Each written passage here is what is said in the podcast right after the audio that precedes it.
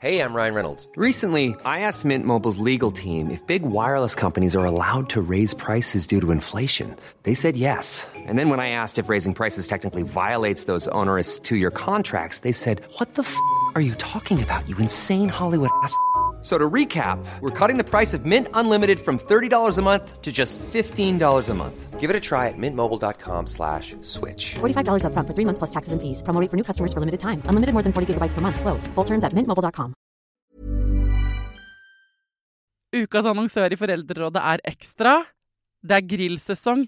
Endelig. Alle dere som har fulgt meg gjennom en lang vinter, vet at jeg har nesten strøket med av kjedsomhet. Men nå kan vi spise ute, vi kan leve ute, vi kan henge ute, og vi kan grille. Ekstra har sitt største grillutvalg noensinne, og hør godt etter nå. Her er en del av grillutvalget deres. Habanero-pølser, salsiccia-pølser, black aged pepper-pølser, cheesy bacon-pølser, beefy burger, cheesy burger, skinny burger, big beefy gourmet-burger, fiskeburger med hvitløk, fiskeburger med bacon, rødbet og søtpotetburger, soppburger, barbecue grillfilet, svinenakke med oregano og tomat, urtemarinert fårefilet, brisket, eller brisket som det egentlig heter, T-bone steak, flank steak, tomahawk, laksefilet med pesto, laksefilet med sitron, scampi med hvitløk og urter, crispy fiskeburger med ost, kyllingfilet med sitron og urter, kylling overlår, gyros, kyllingspyd, smoke, barbecue, lårfilet av kylling og entrecôte. Takk for meg. Dette er bare noen av produktene i Ekstra sitt største grillutvalg noensinne, og kommer bl.a. fra Norges mest prisvinnende grillserie, Grill Perfekt.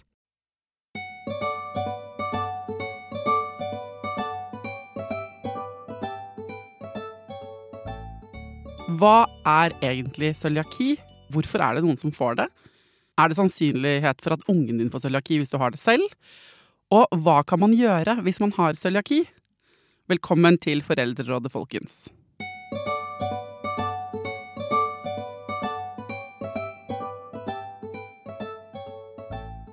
Hjertelig velkommen til Foreldrerådet, Kjetil Størdal. Takk. Du er lege ved Barneklinikken på Universitetssykehuset, Oslo universitetssykehus, og professor ved Universitetet i Oslo. Mm. Og du er her for å snakke om et tema som jeg burde ha snakket om for lenge siden, føler jeg, i Foreldrerådet, nemlig cøliaki. Hva er cøliaki?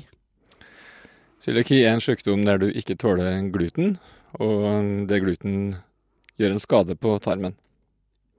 Kort fortalt. Mm. Men litt mer, litt lenger fortalt. Hvilken tarm, og hva slags skade? Ja. Det gir skade mest i tynntarmen, altså den delen som ligger sånn ca. midt i magen. Mm. Og det er veldig mye av opptak av næringsstoffer foregår. Og mm, det er sånn at eh, vi tar ofte prøver da, fra den øverste, lett, lettest tilgjengelige delen av eh, tynntarmen for å finne ut eh, om et barn har cøliaki. Ok, så dere tester det. Så hvis man mistenker det, så kan man gå inn og finne det ut, liksom. Ja eller nei. Mm. Vi, vi tar ofte sånne vevsprøver, eller biopsi som det heter på fagspråket. Mm.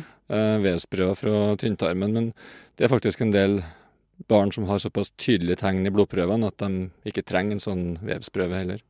Men hvorfor får noen cøliaki, da? Det er tusenkronersspørsmålet. Ja. Vi vet at eh, du må ha noen gener for å kunne få det. Det er liksom noen bestemte sett av gener som er nødvendig å være til stede. Og så er du nødt til å ha gluten i maten. Det er jo ikke alle som spiser gluten. Nei. Store deler av verden lever jo på ris og mais og har Ja. ikke så mye gluten i, i kosten. Da får man ikke cøliaki. Så det er liksom en kombinasjon av gener og gluten. Og så er det noen ting i tillegg som vi fortsatt leter etter. Ok, så hvis man har den genetiske disponeringen for å få det, det må være på plass i bånn. Mm. Og så må man utsettes for gluten på en måte i kostholdet sitt. Mm. Og så er det noe dere ikke vet, som Ja. er en komponent som dere forsker på sikkert, da, eller man det stemmer. Det leter, leter vi veldig etter, og har jo noen tanker om det. Men det, det er i hvert fall en god del ukjent i hvorfor noen får det, og noen ikke får det.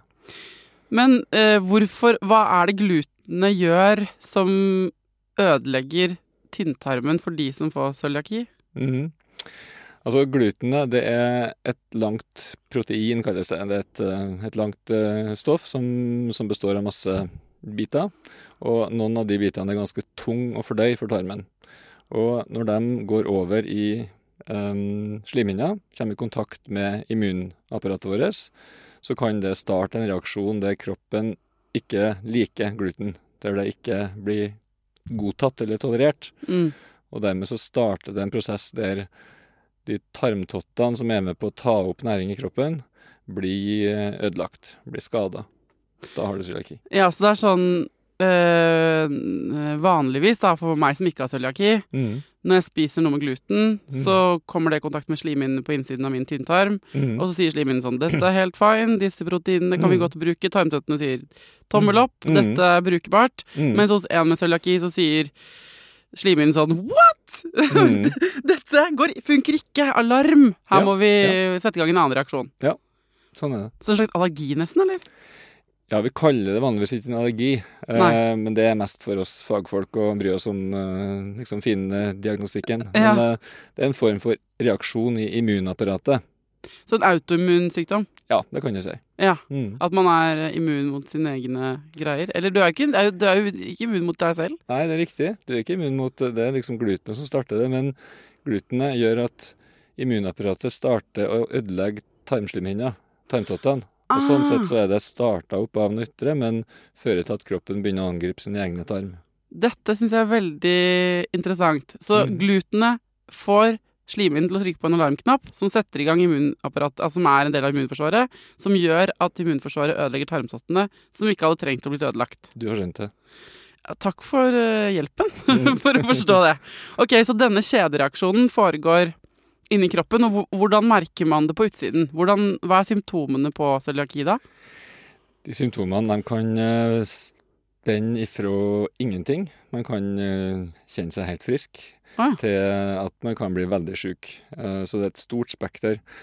Det typiske, det som vi har hørt om, det er jo at man får vondt i magen og diaré. Men du kan også bli hard i magen. Å ja. Og eh, en god del med cøliaki de har det helt fint med magen. De har verken vondt eller diaré eller forstoppelse, men de blir kanskje litt eh, ja, for jernmangel. Klarer ikke å ta opp jern fordi tarmtottene ikke gjør jobben. Mm. Og um, hos noen så går det utover veksten.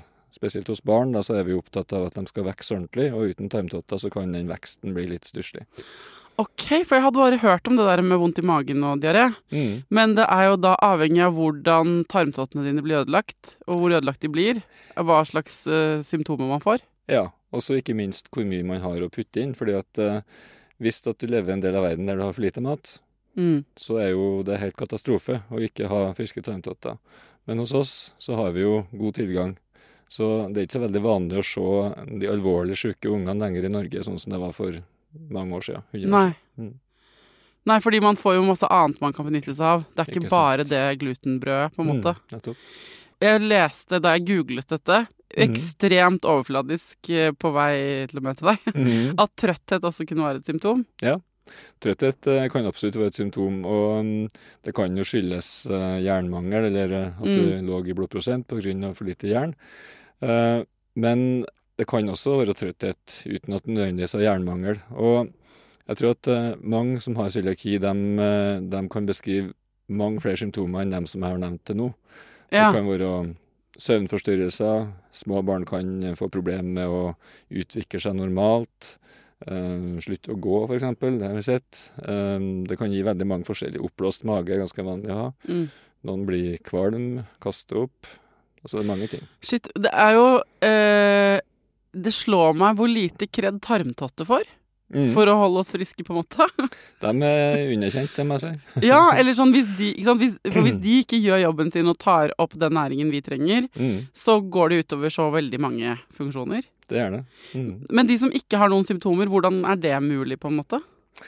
Ja, det er et veldig godt spørsmål. Det det er jo noen av dem som ikke merker noen ting, som merker noen ting når de har fått diagnosen, fordi de merker at 'å ja, det var sånn det skulle egentlig se ut'. Ja. Så det er ikke sikkert at uh, de er, er helt i orden. Men uh, det er helt klart en del som ikke merker noen ting uansett. Uh, og hvorfor noen klarer seg uten å ha tarmtotter til stede, det er et veldig godt spørsmål. Jeg har ikke svaret. Nei, ok. Men, altså, hvor mange er det som går da rundt med udiagnostisert cøliaki? Det er ganske mange. Ehm, Det er nettopp gjort to store undersøkelser i Norge på voksne. Og der ser man at uh, ca. 1 av uh, dem som er testa, har cøliaki uten å vite det. Og så er det en halv prosent som har cøliaki, og som visste det fra før. Ja, ja. Men det er faktisk over dobbelt så mange som ikke vet det. Å, herregud. Men er, kan det være farlig på en måte på å ikke vite det? Å gå rundt og ikke vite det? Hvis man ikke har noen symptomer, så tenker jo folk sånn Herregud, jeg lever helt fint, jeg. Mm. Det, det, har noen konsekvenser på, på lang sikt. Eh, hvis vi snakker liksom å leve med uoppdaga cøliaki i 10-20-30-40 år, så kan det gå utover f.eks. beinbygninga, at du får for lite sterke eller for lite bein, og er mer utsatt for uh, brudd når du blir gammel. Eh, det er også noen data som tyder på at det er litt sånn låg eh, betennelsesaktivitet i kroppen ikke er bra for andre sykdommer. Mm. Så sjøl om vi ikke merker noen ting nå, her og nå, så kan det bety noen ting på, på sikt. Ja. Så eh, For det, det, går, det blir jo en slags det, Når du sier betennelsestilstand, det er jo det som skjer da. At Mm. kroppen går rundt med en sånn derre uh, betennelsesaktig Mm. Eller det er vel en betennelse? Ja, det er det. Vi bare tenker ofte på det på en sånn flis i fingeren, fikk infeksjon. Mm. Men det er en uh, skapt betennelse, liksom. Ja, en Av immunforsvaret. Ja. Ja. Mm. En del av meg tenker sånn, burde ikke da alle bare tas en blodprøve på? Eh, Mm. for å f sjekke ut hvem i befolkningen som har dette Mm. fra før, så man kan kutte ut gluten? Mm. Ja, det er et veldig godt spørsmål, og et eh, litt komplisert svar er at hvis vi hadde hatt det veldig presise verktøyet og kunne sagt ja-nei, så kunne det vært en god idé. Mm. Men eh, ingen tester som vi kjenner til i dag er så presise at vi kan, eh, kan bruke det på den måten der. Eh, hvis du tar blodprøve av eh, en hel skole, så vil vi antagelig få de fleste positive. De er helt friske. Ja. ja, Eh, ok. Ja, fordi Ja. Så det er ikke så presist at man kan finne det ut med en blodprøve, men man kan finne det ut med biopsi? Ja, Man kan finne ut eh, sannsynligheter med en blodprøve, men for å kunne bekrefte sikkert, så må man eh, som regel gå et godt stykke lenger og ta nye prøver osv. Mm, mm. Sånn Ja. er det veldig mange prøver som vi tar, at eh, de er egentlig laga for å teste dem som er syke. Og hvis vi bruker det på dem som er friske, så vil de prøvene gi oss masse støy. Ja. ja, så da er det jo på en måte, hvis du ikke har symptomer Mm. For symptomer er vel en del av det bildet for å finne ut Mm. om du har cøliaki. Så det er Ja. sånn, symptomer må være på plass Mm. over et visst tid sikkert. Mm. Og så må blodprøven vise i en retning, og så må biopsien underbygge det. Mm. Eh, det er jo mange av oss som kjenner seg igjen i å reagere på gluten. Mm. Eh, eller hvetebakst, bare. Mm. eller for mye pizza, eller hva det er. Mm. Og så har det jo vært eh, de siste ti årene, føler jeg, ikke sant? en sånn derre eh, kjempeopprop mot gluten. Mm. Som jeg vet at det er blitt skrevet mye om og ment mye om og alt mulig sånn. Hva er det du tenker at det er viktig at vi forstår i det støyet der? For det første så er jo magen Det oppfører seg litt forskjellig avhengig av hva vi putter inn. Mm. Det er ikke mer komplisert enn det. Vi vet at en ribbemiddag fører til noen eh, følelser i magen etterpå. Og det samme med en heftig gluten eh, hva skal si, fest, så, så kan du merke det en stund etterpå. Og gluten er et ganske sånn tungt protein å fordøye, sånn at eh, det kan føre til at du kjenner deg ganske stinn. Ja. Men det er noe helt annet enn det å ha cøliaki. Og um, hvis du kjenner deg bedre i magen med å ete mindre gluten enn du ellers ville gjort, ingen problem. Spis mindre gluten, liksom. Ja. Det er ikke farlig å, å kutte ned en del på gluten. Um, samtidig så er det sånn at uh, jeg tenker vi skal ha respekt for det som er en ordentlig cøliaki, fordi at uh, dem som har cøliaki, dem skal ikke ha gluten. Uh, det må du være ordentlig streng. Men uh, for oss som uh, egentlig tåler gluten godt, så tenker jeg at vi godt kan uh, gå litt opp og ned etter hva vi har lyst på, etter hvordan vi kjenner oss. Ikke sant? Det men det blir eh, rotete, fordi så blir restauranter oppgitt over at de må levere et glutenfritt alternativ, og så føler de som har en alvorlig cøliaki-diagnose, at da kan ikke de gå på restaurant, for det blir så dårlig stemning, og så har du de som sier men jeg er intolerant mot gluten, og det må også respekteres. Så Mm. blir det på en måte en slags sånn eh, konflikt, da, på en måte, som jo Jeg kjenner en med cøliaki som var sånn Når hun var på besøk hos meg første gang, og jeg visste ikke at hun hadde det, sa hun 'Jeg tåler ikke gluten'. Og så sa jeg 'Nei, ok, jeg kjøper et alternativ til deg'. Hun bare 'Men jeg har cøliaki'. Det er sånn jeg liksom ikke tåler gluten. Ja, ikke sånn. Jeg kan godt ta med mine egne Mm. ting. Mm. Og hun, var, og hun er lege, så var det sånn viktig for henne å understreke at jeg dette er ikke en trend jeg har hoppet på for tre uker, Mm. som for så vidt for min del hadde vært helt greit. Mm. Men det var også en måte å si sånn Så de eh, knekkebrødene jeg kjøper, kan ikke ligge i samme kurv som Mm. de knekkebrødene du kjøper, på en måte. Mm. Mm. Og det er jo Jeg skjønner jo at eh, cøliakipasienter har behov for å sette opp den skillelinjen. Jeg tenker at det er viktig å skille eh, mellom de to, fordi at hvor streng du trenger å være i praksis, har jo ganske mye å si for dem som har cøliaki. Samtidig så tror jeg det er sånn at dem som har cøliaki, og som har hatt det i eh, 10-20-30 år, de merker nå at de andre som har også blitt glad i glutenfri mat, har gjort det mye lettere, fordi det er så mye mer tilgjengelig, det er billigere, det er, du får tak i det på en Ja. måte enn før. Ja, ikke sant? Mm. Det, altså, det er, man, dere burde egentlig forene dere, alle dere som ikke elsker gluten, av ulike grunner, da. Mm. Eh, enig. Vi skal snakke litt om, Jeg vil gjerne høre litt om sånn, hva man kan gjøre, og behandling og alt mulig sånn. Men før det, bare hvis man mistenker at barnet Hva er symptomet på at du har fått et barn med cøliaki? Når oppdager man det typisk, og hva, hva, liksom, hvordan funker det der? Eh, Snittalderen eh, for unger som får det, det er ca. sju år i Norge.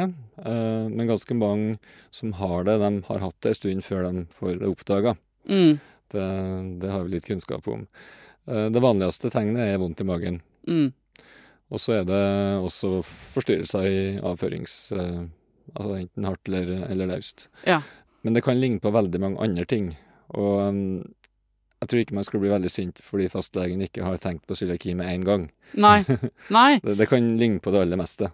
Mm. for du har eh, poliklinikk når du jobber med, med pasienter og dette her, da. Mm. På fredager, var det det du sa til meg i stad? Det stemmer. Eh, Så hver fredag så møter du familier eller barn da, som Mm. har ulike problemer, vil jeg tro, med Mm, mm. magen. Ja.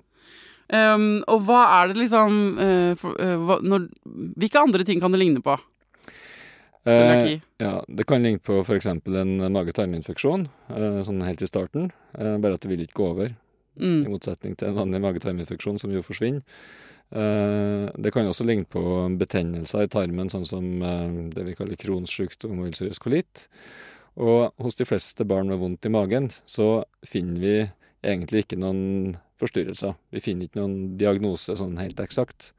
Um, så det kan egentlig ligne på vanlig vondt i magen uten en god forklaring. Mm. Irritabel tarm er jo en ting som mange har, både barn og voksne, og det kan absolutt eh, forveksles med cøliaki.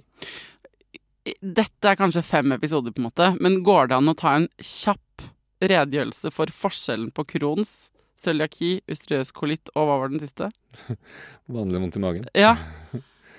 Ja, eh, gluten, det handler bare om cøliaki. Ja. Og det handler mest om tynntarm, og gjerne den øverste delen av tynntarmen.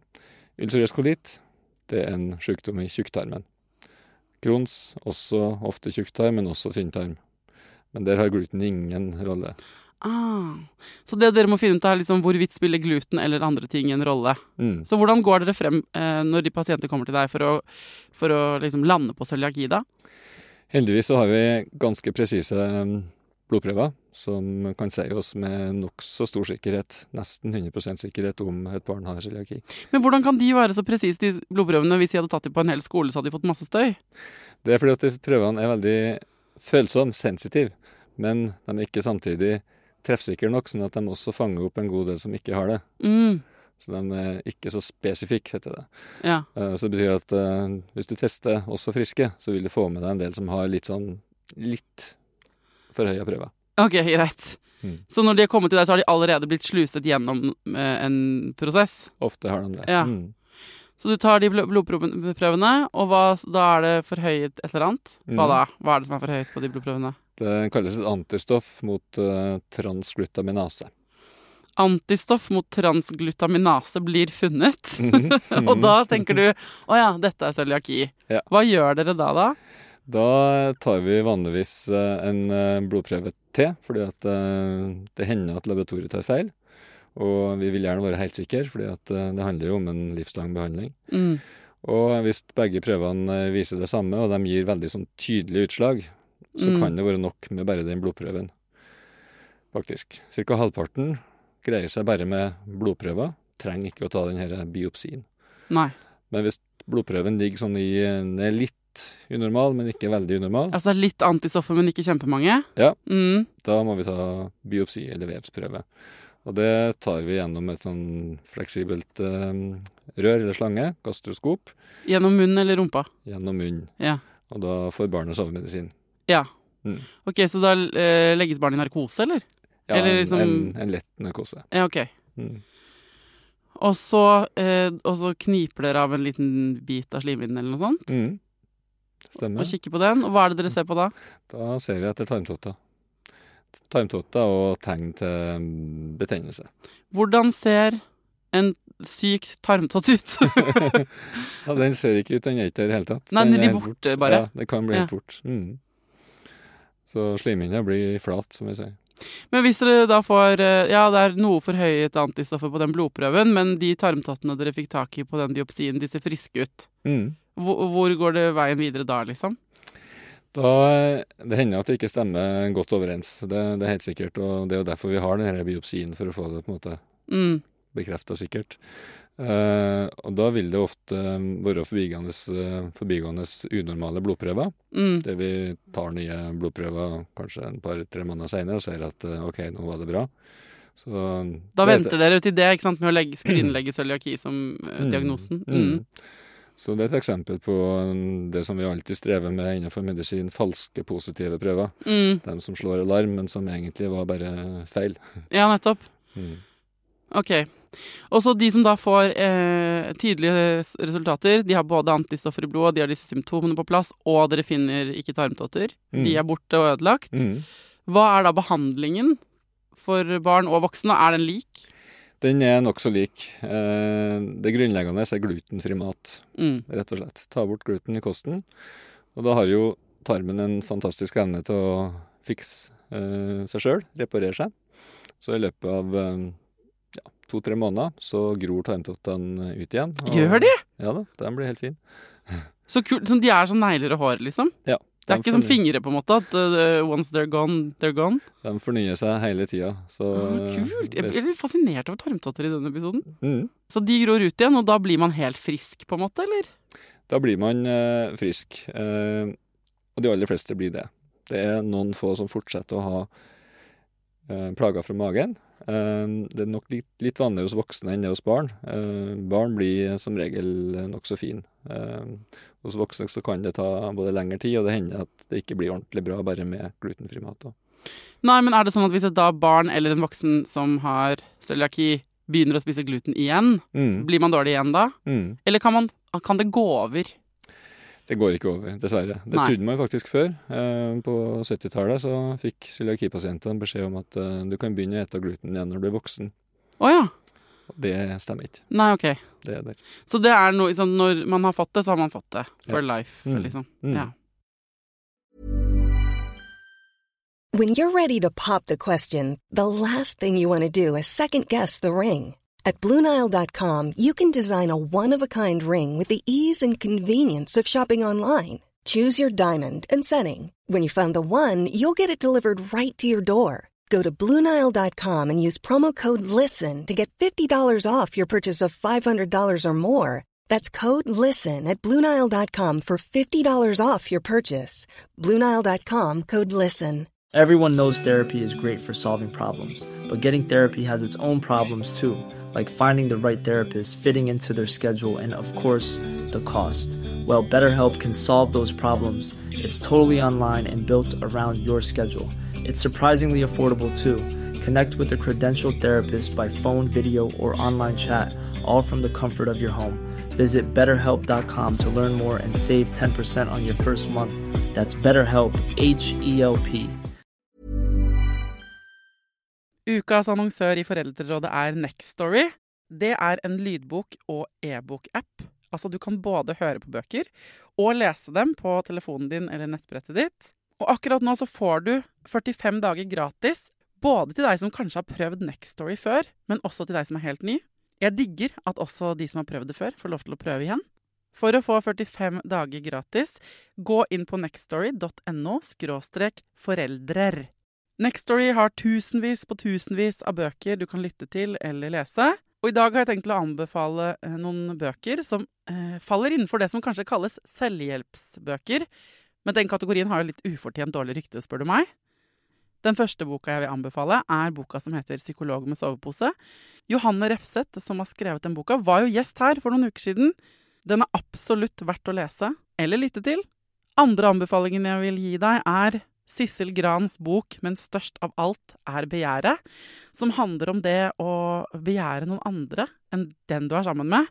Og jeg har også laget en episode med Sissel Gran om det temaet for et par år siden. Den boka er fantastisk. Hvis du har lyst til å prøve ut Next Story for første gang, eller eh, har prøvd ut før, men vi prøver det ut igjen helt gratis i 45 dager, gå inn på nextstory.no skråstrek foreldrer. Hva er de største utfordringene, sånn som du ser det, da, for foreldre eller for barn med cøliaki, når du møter dem på poliklinikk og sånn? Den største utfordringa, den tenker jeg går på at uh, det kan være litt sånn uh, skummelt, det at maten plutselig ikke bare er bra. Den kan være farlig. Mm. Og de fleste barn, eh, kanskje spesielt de minste, de takler det ganske greit. De, eh, de finner ut av det og, lærer seg til å spørre og lærer seg til å etter hvert se på hva maten inneholder. Mm. Men for noen så kan det ta litt sånn over, at maten blir liksom eh, problematisk. Ja. Det kan være én ting. Og tenåringer, de syns ikke det er noe stas med å få cøliaki. De um... Nei, det er vel ikke så mange som syns det er stas uansett. Men jeg skjønner veldig godt at man tenåring, man vil jo spise liksom Ja. Jeg har en sønn på tolv og et halvt, han vil jo bare spise sånne kule boller som han har sett på TikTok og sånn. Ja. Sånn som vennene hans spiser. Ikke sant? Gå på Mækkern og ete akkurat det samme som kameraten. Og det, det er ikke så greit å, å være tenåring og få det som det er hvis du er liten. Nei. Og hvorfor oppdager man det ikke tidligere? Eller sånn, hvorfor er snittalderen på å oppdage cøliaki syv år? Det kan jo oppstå ved sju år. Altså det kan, eh, det kan oppstå Ja. eh, også i voksen alder. ja, ok, så det kan Ja. bare oppstå. Ja. Men jeg tenker, hvis man, hvis man ikke eh, Altså, i starten så får man jo ikke noe gluten, for da får man jo pupp. Eh, og da skjønner jeg at man ikke merker det. Mm. Men det er jo mange av de som hører på Foreldrerådet, eller som jeg kjenner med baby, som, hvor babyen har mageproblemer. Mm. Eller hvor det er mye, ikke sant. Og der er det jo, jeg har laget en, mange episoder om dette på forskjellige måter, men Mm. liksom, hvor komplisert kolikk er, ikke sant. Eller Ja, ja. hvor- eh, også når de er eldre enn liksom kolikkfasen, da, altså når jeg ikke er spedbarn lenger, med uro og altså, mye greier, barnet sover ikke, alt sånn. Mm. Og det er jo mageproblemer, en veldig sånn tilbakevendende tema. Mm. Uh, men uh, er det sånn, tror du, at det fins noen små barn med cøliaki som man bare ikke finner ut Man finner bare ikke ut før de er syv, liksom? Ja, det kan nok skje, men uh, samtidig så tror jeg de aller fleste de vet av cøliaki og spør etter det, og fastlegen tenker på det, og det blir tatt prøver. Um, og du kan ikke få cøliaki før du har begynt med gluten. Nei, ikke sant? Så det vil si at uh, de yngste pasientene vi ser, de er vanligvis uh, kanskje et år eller knapt det. Sjelden og særlig før et år. Og det største hva skal si, andelen som slår om, altså får antistoffer, det skjer sånn mellom tre og fem år. Ja. Uh, men du kan godt få det når du er 50 eller 70 eller uh... Men hvorfor er det plutselig sånn, da, at uh, tarmen overreagerer? Altså, hvorfor er det sånn OK, gluten er good, det går greit, det går greit, det går greit. Mm. I årevis. Pizza, pasta, Mm. brød og alt mulig. Og Mm. plutselig så er det sånn Dette går ikke! ikke sant? Mm. Og så får du Mm. den reaksjonen. Det er et sabla godt spørsmål. OK. Um, vi tror nok at det har en del med infeksjoner å gjøre. At uh, hvis du får en infeksjon, så kan den føre til at uh, immunforsvaret ditt blir litt uh, skrudd om. Mm. Eller at uh, tarmslimhinna kanskje blir skada av infeksjon, og dermed begynner å lekke litt og begynner å få litt uh, reaksjoner mot Mhm. gluten. Så det med infeksjoner i en sårbar fase der du kanskje er i gang med å få en god del gluten i kosten, det kan være en forklaring på at eh, mange får det ganske tidlig i livet, sånn eh, rundt tre år. Ja. Nettopp. Og de som får det i voksen alder og eldre, der er det mer sånn fordi du, kroppen din har stått imot både det ene og det andre over et helt liv, og nå ork, Nå ble det feil, liksom. Ja, egentlig så skal jeg være helt ærlig, vi vet ikke helt Nei. sikkert hva som får det til å tippe over. Hva som får Nei. kroppen til å begynne å reagere. Nei, jeg får så lyst til at vi skal spekulere i det. For det, det, så, det syns jeg er litt sånn spennende med autoimmune sykdommer og ting som kommer sånn etter hvert. At liksom Mm. Både stoffskifteproblematikk eller Mm. andre typer. At det liksom Det kan gå og være på stell Mm. uh, lenge, og Mm. så bare kan det plutselig ikke gå så bra lenger. Ja. Litt sånn som 40-årskrisa, på en måte. Bare at den kan inntreffe før, da, selvfølgelig. Ja, men det Cøliaki er jo bare ett eksempel på at eh, infeksjoner kan starte en sånn prosess, men vi vet jo det samme for andre autoimmune sykdommer, at Mm. eh, en av de triggerne, det som får det til å komme ut av balanse, er infeksjoner som vi møter på. Mm. Eh, som mange av oss møter på uten å merke det, og som kan gå helt under radaren, men som hos enkelte som er disponert, kan føre til at du plutselig begynner å reagere på ting du ikke har gjort før. Eh, er en annen komponent også sånn stress, og da mener jeg ikke sånn å, vi må forte oss til skolen-stress, men mer sånn Jeg snakket med en, eh, en lege en gang som sa sånn Ja, det er, eh, det er infeksjoner stress, liksom, er jo stress for kroppen. Det er på en måte helt konkrete sånne type målbare infeksjoner. Mm. Og så har du liksom traumer eller sånn stress hvor du har hatt mye stresshormon. Mm. Eksempel vært gjennom en tøff periode, samlivsbrudd, fødsel, Mm. depresjon, et eller annet sånt, kan også være bidragsytende til å vippe immunforsvaret i en retning. Stemmer det? At eh, stress påvirker immunforsvaret, det er helt uh, utvilsomt. Ja. Uh, om det kan uh, på en måte trigge cøliaki, det kjenner jeg ikke at det er gjort noen gode undersøkelser på. Eh, men at det påvirker immunsystemet, det er det ingen tvil om. Nei. Eh, men det er absolutt en av de tingene som eh, bør undersøkes nærmere. Foreldre har jo sendt meg en melding og sagt sånn Vi har akkurat funnet ut at vårt barn har cøliaki. Dette vet jeg ikke hvordan jeg skal navigere i. Øh, Kan du få tak i en ekspert som kan berolige oss, var det en som skrev. Men også liksom, fortelle oss litt om hvordan går vi fremover herfra. ikke sant? Mm. Hva vil du si til de foreldrene som er litt stressa og urolige? Jeg vil si at uh, du kan leve veldig godt med cøliaki, og at kroppen blir helt frisk når du får en glutenfri kost. Det er det aller viktigste. Det finnes en, eh, en kur som, som er såpass god at eh, man blir eh, Altså tarmtottene gror ut igjen. De, de fungerer fint uten gluten. Det å leve på glutenfri kost, det kan være en utfordring. Ofte så er det mest snublesteiner i starten. Ja. Å finne ut av uh, hva er det som inneholder gluten som jeg ikke ante. For det bruker jo, brukes jo veldig mye i mange typer matlaging. Så Derfor så finnes det en del ferdige produkter, og man må ofte bruke litt lengre tid på kjøkkenet for å lage en glutenfri kost. Mm. kost. Um, men erfaringa mi er at uh, de fleste finner ut av det ganske fort, og heldigvis så har vi ganske god tilgjengelighet òg på en del halvfabrikater og, og ferdigmat som er glutenfri. Mm. Eh, Det er dyrere eh, enn annen mat. Um, og av og til må man gå på spesialbutikker for å få tak i de beste produktene, men det finnes også støtte for det. ja, man kan få, Hvor mye penger er det man kan få i glutenstøtte, holdt jeg på å si? Ja, Det er sånn tett oppunder tusenlappen i måneden. Ja. Ja, det er kjempedyrt med Mm. sånne glutenfrie produkter. Er det sånn at du Burde vi liksom alle droppe gluten litt? Grann? Er vi for glutengira eh, liksom i verden? Nei, jeg tenker ikke det. Eh, det er en grunn til at eh, er jo det viktigste kilden til gluten. Det finnes også i rug og bygg, men vete, og det er en grunn til at hvete har vunnet fram.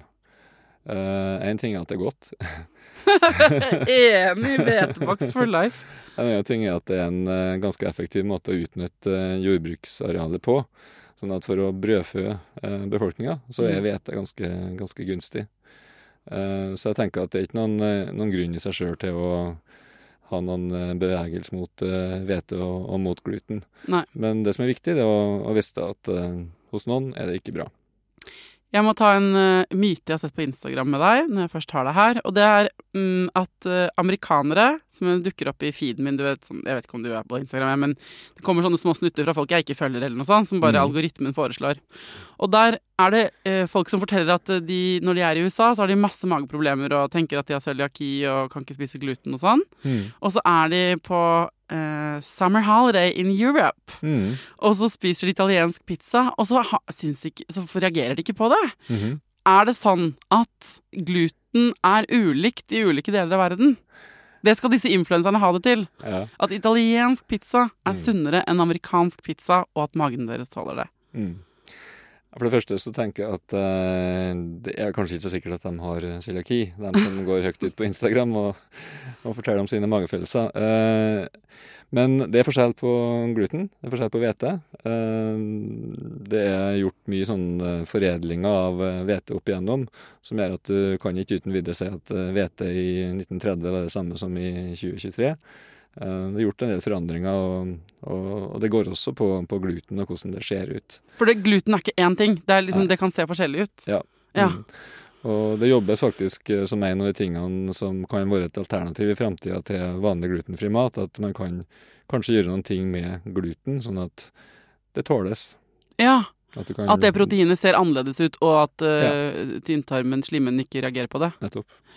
Ja, for det var det eh, disse influenserne vil ha det til at eh, vi i Europa da, vi spiser så gammeldags og sunt, ikke sant? Mhm, Når vi mhm. spiser sånn eh, pizzaer og sånt. Mm. Og eh, så tenkte jeg sånn, ja, for det, eh, det passer veldig med mine fordommer om USA i hvert fall, hvor alt er sånn ultraprosessert fast food-aktig. Mm. Eh, så tenkte jeg, ja, kanskje det er liksom at de har fucka opp det proteinet, for å si det på godt norsk. Eh, Sånn at altså, glutenet ser helt annerledes ut, og at eh, man blir mer sensitiv til det. Ikke vet Mm. jeg.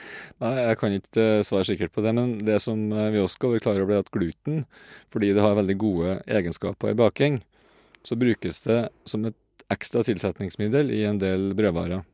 Så det å putte inn noen gram ekstra gluten Man kan kjøpe det i butikken. Det står uh, 'luftig bakst'. Ja. Sånn bakst. Det er ren gluten.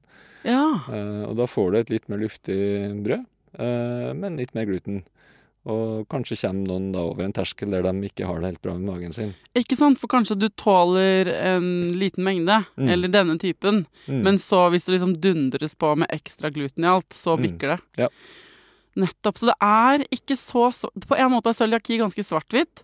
Mer enn mye annet, ikke sant. Mm. Du har det, så har du det ikke, og har du det, så har du det for livet. Mm.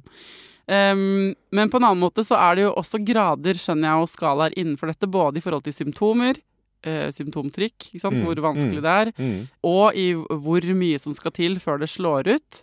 Slår deg ut. Ja. Vi skulle veldig gjerne ha kunnet nyansert litt mer eh, til dem som har cøliaki, og sagt at eh, OK, du skal ikke ha noen ting i det hele tatt, mens andre kanskje skulle ha kunne ha levd litt mer tilnærmet normalt. Mm. Men dessverre, vi har ikke de verktøyene. Enda. Det hadde jeg veldig gjerne hatt.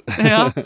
ja. Fordi jeg tenker at det ville vært logisk at eh, det er litt eh, forskjell i eh, si, graden av følsomhet. Mm. Men per i dag så kan vi ikke gå ut og si til noen at du kan godt ete ei skive eller to om dag. Nei. Det går ikke. Nei, du må være veldig streng. Ja. Men fins det noen medisin man kan ta da, mot gluten, på en måte? Det jobbes det veldig mye med. Det er et stort eh, forskningsfelt for tida. Um, jeg var inne på at eh, du kanskje kan gjøre noe med glutenet. Det er jo ikke en medisin, det er bare en forandring av maten.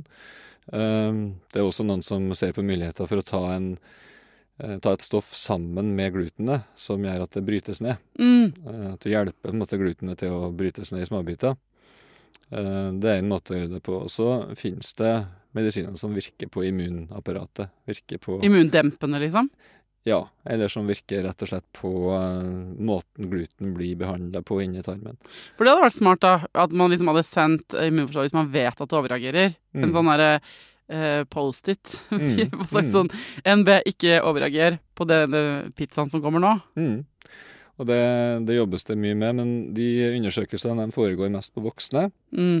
Sånn er det med de fleste medisiner, at du tester dem først på voksne, og hvis de viser seg å være trygg og effektiv, så blir de til barn også. Mm. Så det er et stort tema for tida innenfor uh, cøliakiverden. Ja. Hvordan kan vi rundt en familie hvor noen har cøliaki, eller hvis vi er, ikke sant, har et barn i klassen til barnet vårt som har cøliaki, hvordan, liksom, hvordan kan vi være bra øh, Hvordan kan vi være bra støtte? Jeg tror at de fleste unger som har cøliaki, de syns det er litt eh, ålreit om eh, de får glutenfri mat i bursdagen. Ja. I stedet for at de må ha med seg en egen matboks eller eh, bare kan ta gelé. Ja. De vil gjerne ha litt, litt muligheter for å se ut som andre barn. Mm. Og det finnes såpass lett tilgjengelige halvfabrikater med muffins og, og forskjellige kaker og sånn som ikke er så fryktelig vanskelig å lage. Mm. Så jeg tenker at det er en, det er en måte å gjøre det enklere for de ungene på. Ja, og ikke, ikke problematisere det ytterligere. Mm. Selv om jeg skal anerkjenne at det er jo stress å lage barnebursdag generelt, egentlig. Eh, Mm. Men så er det jo, jo flere varianter av mat man må lage, jo mer styret er det jo. Mm. Så jeg skjønner også at folk kan få litt sånn her Er det intoleranse, eller er det bare at dere har fått det for dere at dere ikke skal spise dette, eller er det Mm. sånn, Hva er grunnen? Mm. Det har vi snakket om før i Foreldrerådet, i en episode om barnebursdager. Men, Mm. Uh. Men uh, hvis vi skal være inkluderende og rause Mm. med hverandre, som jeg tror alle som hører på denne podkasten er interessert i, hvert fall, så må Mm. vi jo bare være det. Mm. Må vi tåle det. Og ta en prat med foreldrene på forhånd, så de kan fortelle deg hva, hva barnet er. Ja, og så tenker jeg setter veldig pris på hvert fall om det er allergier eller intoleranser eller cøliaki eller andre ting. Når Mm. mitt barn har med seg venner hjem, Mm. at de foreldrene uh, er sånn direkte med meg. Mm. For det er uh, sånn uh, Du er et par ting du skal vite. Mm. Her i EpiPen hvis eh, det har Mm. blitt stukket av en veps, eller Mm. eh, Han er, har cøliaki, så vi kan ikke få noe gluten i nærheten. Dette er de rundstykkene han pleier å spise. Mm. Eller, ikke sant? Å være litt sånn tydelig. Ja. for da er det lettere å navigere. Mm. Men hvis man selv har cøliaki, er det økt sjanse for at man får barn med cøliaki da òg? Ja. Ja. Og det er det fordi at eh, de genene som skal til for å få cøliaki, de kommer jo fra mor og far, nødvendigvis. Eh, og de genene de eh, overføres til, til barnet. Og mm, de slår ganske, ganske tydelig inn. Men er det noe man kan gjøre for å forebygge, da? Hvis man selv har cøliaki og får en unge? Egentlig ikke. Eh, det er klart at hvis du ikke gir gluten, så blir det jo aldri cøliaki. Men da behandler du jo en sykdom som ikke er der ennå. Ja. Så jeg, syns ikke at det er en god strategi. Eh, det viktigste eh, det er at du kjenner til at det er en auka sjanse for at eh, ungen skal få cøliaki, og eh, at det eventuelt blir eh, tatt en test hvis det er mistanke om det. Mm. Tommelfingerregel er at hvis mor eller far har det, så er sjansen 1 på 10. 10 Ja. for at barnet skal få cøliaki. Det er ikke så stor sjanse. Nei da, og det betyr jo at det er 90 sjanse for at barnet ikke får det. Ja, ikke sant? Uh, og jeg tror ikke jeg ville tatt uh, det på forskudd. Nei, ikke sant? Uh, det er klokt sagt. Men uh, det er jo annerledes enn Jeg lagde en episode om allergier, og da er det sånn at uh, da trodde man før at man skulle Hvis man holdt barn unna nøtter eller Mm. unna Ja, for Mm. eksempel nøtter, da. Mm. Så uh, ville det ikke utvikle allergi. Mens nå har man funnet ut at hvis man liksom Jo tidligere man kan gi en Mm. baby liksom litt bitte grann peanøttsmør, Mm. jo mindre sjanse er det for at uh, de får nøtteallergi. Det stemmer. Mm. Uh, men det vet, dere har ikke funnet noen sånne ting. Det er derfor det ikke er en allergi, dette her, da. Nei, det har vært veldig mye debatt rundt det med når man skal starte opp med gluten, og hvor mye gluten man skal gi. Mm. Uh, Ut ifra det vi vet i dag, så kan vi ikke si sikkert at tidspunktet for når du starter, har så mye å si. Nei. Uh, det er noen undersøkelser som tyder på at de ungene som får mest gluten uh, når de er mellom ett og to år, har større sjanse for å få cøliaki. Så de som er liksom på glutenkjøret, og som har veldig store mengder med gluten, Ja. har en større sjanse for å få cøliaki. Mm. Samtidig så kan vi ikke si at vi har en sånn grense for hvor mye man skal ete, eller hvor mye man skal få. Um, men det kan hende at det er en fin balanse der. Ja. ja. Men det er bra å høre at dere jobber på da, for å finne ut alle disse tingene som ikke er helt nyansert ennå. For det Mm. høres ut som det er mange Mm, områder absolutt. innenfor dette feltet her som er sånn under utvikling. Mm. Ok, men Da skal jeg prøve meg på en oppsummering. Så får du se om uh, Får bare kommentere, Kjetil, hvis ikke dette funker. Mm. Men uh, ok, folkens. Cøliaki er en autoimmun sykdomsrespons kroppen din har på at slimhinnen i tynntarmen din utsettes og tror at gluten er farlig. Mm. Så kroppen din tar imot eh, gluten. De fleste kropper syns det høres flott ut, og tarmtottene sier 'yes, dette er mat', mens noens tarmtotter sier 'hæ, dette er ikke mat'. Og så setter de i gang en reaksjon som i ut, i, de men, kroppen mener godt, men den ender opp med å ødelegge sine egne tarmtotter. Mm. Dette gjør at du kan få en rekke symptomer. Noen får ikke så mange av dem. Noen får mange av dem. Det kan være helt kjempealvorlig, de alvorligste tilfellene. Og så er det mange som går rundt. Kanskje du går rundt som hører på nå, og, og har cøliaki uten å vite det. Bakgrunnen for å få cøliaki er til dels genetisk, sånn som veldig mange ting. Du må ha noen som er disponert for det. Og så er det eh, hvor mye gluten du får i deg, og hva slags gluten det er. Uten at man vet akkurat hva som er for mye. For det prøver de å finne ut av. Og så er det noen skjulte ting som de ikke vet enda hva som utløser at noen av oss får cøliaki, og andre ikke. Og det kan oppstå når som helst i løpet av eh, livet ditt. Eh, barn eh, kan også få det. Og eh, kuren er, kort fortalt, å kutte gluten ut igjen. For da kan tarmsottene bli friske, og så kan mange leve helt fint. Eh, mens eh, noen ikke får det helt til fordi det har vært så mye skader på tarmen eller andre ting. Eh, er det en ok oppsummering, eller? Det er en veldig god oppsummering. Eh, liten presisering var det at eh, de fleste som får diagnosen cøliaki, det er barn. Ja. Eh, så det er vanligst i barneårene. Men Åh! du fortsetter å ha det når du er voksen nå. Men man kan ikke vokse det av seg. Nei, Nei. dessverre. Jeg lurer på en ting til. Er det sånn at mange går rundt og stanger mot eh, fastlege, eller eh, ikke sant, ikke får den hjelpen eh, de trenger? For du sitter jo Du ser jo ikke dem, for du ser jo bare de som får den hjelpen, ikke sant? For de kommer jo til deg, Mm. som jobber med det som spesialist. Men er det mange, har du inntrykk av at mange liksom bruker lang tid på å komme frem til å få den hjelpen? Jeg tror vi er veldig på godt spor. Jeg må si at uh, jeg tror fastlegene gjør en veldig god jobb på det, og har lært mye. Mm. Det blir uh, fanga opp langt flere med cøliaki nå enn for bare 15-20 år siden. Det har vært en sånn bra branding av cøliaki. Liksom, Ja, jeg ja, Mm. folk har på en måte fått med seg hva det er for noe. Mm. Det er en eh, kjent sykdom, og, og fastlegene eh, er vant til å lete etter det og vet hva de skal se etter, og, og tar kontakt med spesialisten når det trengs. Mm. Så bra, da. Det er ofte jeg har gjester her som sier sånn Ja, der kan fastlegene faktisk bli bedre. De gjør som godt de kan, men dette skulle jeg ønske at folk visste. Men der er du egentlig fornøyd, du.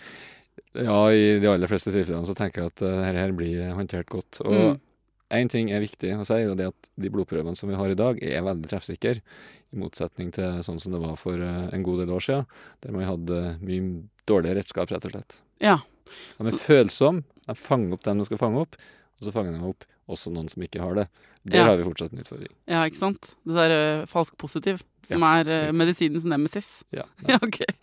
Um, men uh, hvis du som hører på sitter igjen med sånn 32 spørsmål jeg ikke stilte om cøliaki, eller uh, ikke sant, har andre erfaringer eller ting jeg ikke har vært klok nok til å vite at jeg burde stille spørsmål om, så er det bare å sende det til meg på Foreldrerådkontoen på Instagram, så kan jeg ringe til Kjetil og invitere han tilbake.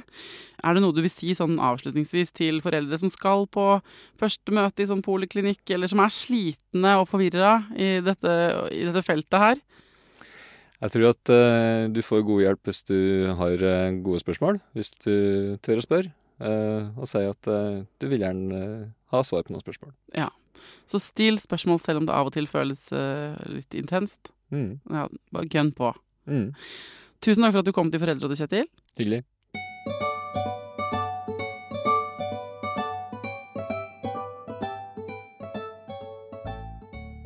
Som alltid, hvis du sitter igjen med flere spørsmål enn du hadde i starten av episoden, eh, enten om cøliaki eh, eller om noe helt annet, så er det sånn at eh, du kan sende de spørsmålene til meg på Instagram, eh, Foreldrerådet-kontoen.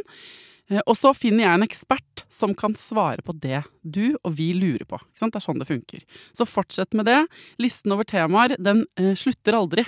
Det føres på nye for hver episode jeg lager, så kommer det en ny episode til, minst. Um, så takk for at dere bidrar til gruppearbeidet på den måten, folkens. Til neste gang, ta vare på deg sjæl, ta vare på ungen din, og lykke til.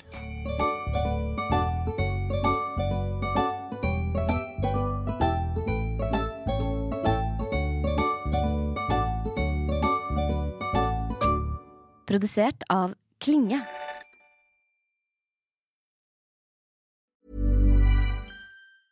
Hey, it's Paige DeSorbo from Giggly Squad. High quality fashion without the price tag. Say hello to Quince. I'm snagging high-end essentials like cozy cashmere sweaters, sleek leather jackets, fine jewelry, and so much more. With Quince being 50 to 80% less than similar brands.